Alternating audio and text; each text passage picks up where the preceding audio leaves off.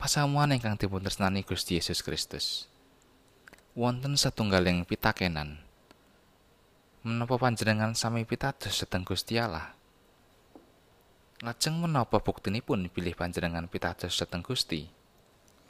Salah setunggaling bukti bilih kita pitados dumateng Gusti inggih menika setya tuhu utawi taat. Ananging panci boten gampil. Kepara angel sanget dados tiyang ingkang setya lan tuhu. Jalaran kita asring sampun nggadahi pangertosan lan rancangan piyambak. Kita asring pitados bilih rancangan kita menika paling sae lan paling prayogi. Kamangka sampun kabukten. Bilih rancangan lan pangertosan kita malah saged muwaken raos kuatir lan was-was. Saben tiyang kepengin gesang merdika lan uwal saking wasumelang. Ananging kados pundi caranipun? Sabdanipun Gusti dinten menika memulang tigang perkawis minangka tigang tahap anggenipun menungsa saged gesang santosa sumende dhateng Gusti. Ingkang kaping sepisan inggih menika mboten pitados dumateng Gusti Allah. Meh saben tiyang nggadahi raos ajri lan sumelang ingkang jalari gesang boten tentrem. Pitakenanipun kenging menapa dene taksih wonten tiyang ingkang gadah raos ajri lan sumelang. Adat sabenipun raos menika tuwuh amargi manungsa nggadahi momotan ingkang aurat sanget. Menapa malih rumaos boten wonten ingkang purun utawi kuwawi asung pambiyantu lan boten wonten ingkang purun nanggel. menika ateges bilih raos asri lan sumelang menika tuwuh amargi ngandelaken dayanipun piyambak. Ing waosan Injil kala wau kacariyos, Petrus ingkang ugi nggadahi raos asri lan sumelang inggih nalika Petrus lumampah ing saenggiling toya seganten. Ananging awit Petrus ngraosaken santring angin, lajeng dados giris lan wiwit kerem. Mila Gusti Yesus paring dawuh, He wong kang cepet ing pangandel, ya gene kok mangu-mangu. Kita menika sampun nggadahi Gusti Yesus ingkang saestu tresna dhateng kita. Panjenenganipun nganti lan ngreksa gesang kita. Gusti Yesus pirsa lan peduli dhateng kawontenanipun para murid nalika katempuh ing ombak ageng. Mila lajeng rawuh paring pitulungan. Sinaosa mekaten, raos ajri lan sumelang boten lajeng sirna.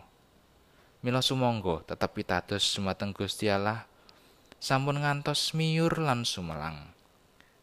Kanthi ngandelaken kegiatan diri lan nglirwakaken Gusti badhe gendeng kita tumuju ing gesang ingkang kebak raos kuatos lan ajri. Pramila tetep pitados dhateng Gusti Allah. Tahap ingkang kaping kalih inggih menika pitados dhateng rancanganipun Gusti Allah. Gusti Allah menika sanyata pancen sae. Panjenenganipun boten namung milujengaken kita, ananging ugi sampun ngrancang pagesangan ingkang kebak ing pangajeng-ajeng bab tentrem rahayu.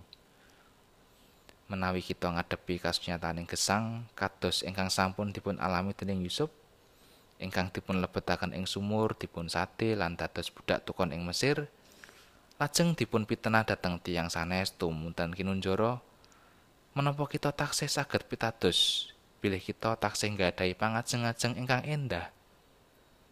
Mbok menawi kita ugi ngraosaken giris.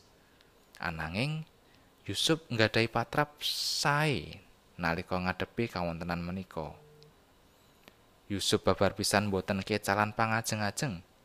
Kados pundi caranipun Yusuf pitados bilih Gusti Allah kagungan rancangan tentrem rahayu Yusuf mangertosi perkawis menika lumantar impen-impen ingkang nate kaparingaken dening Gusti Allah Milo ing wusananipun Yusuf saged paring katerangan dhateng para kadangipun ingkang lampah jahat mekaten. Panci kowe padha ngrantam kang ala marang aku, nanging iku dicipta malih dadi becik dening Gusti Allah supaya banjur nindakake kang kelakon ing dina iki mitulungi urip marang bangsa kang gedhe. Para sederek, Gusti Allah sampun kagungan rancangan ingkang sae tumrap gesang kita piyambak-piyambak. ingkang perlu kita lampahi kanthi tekun inggih menika pitados dhateng Gusti Allah. Lantap ingkang kaping 3 inggih menika gesang sesarengan kalian Gusti Allah.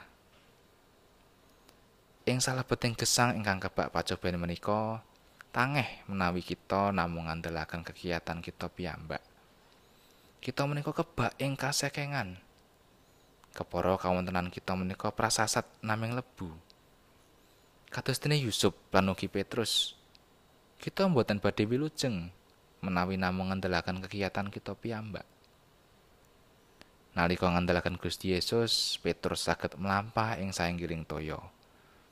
Ananging nalika mboten ngener malih dhateng Gusti Yesus, piyambakipun lajeng ajre tumunten badhe kerem. Petrus enget lan nyuwun pitulungan dhateng Gusti Yesus, lajeng nampi pitulungan. Sumangga kita ngadepi gesang menika sesarengan kalian Gusti Allah. Sampun ngantos nilar Gusti Allah lajeng nengenaken pangertosan lan pepinginan kita piyambak. Awit sedaya menika wau badhe gendeng ing salebeting raos kuatos lan sumelang. Krana gesang sesarengan kalian Gusti Allah ingkang sampun ngawonaken pati, kita nggadahi piandel ingkang pareng kesagetan lan kegiatan mila sedaya saged kasil. Mboten perlu was lan sumelang menawi kita tansah gesang sesarengan kalian Gusti Allah. Amin.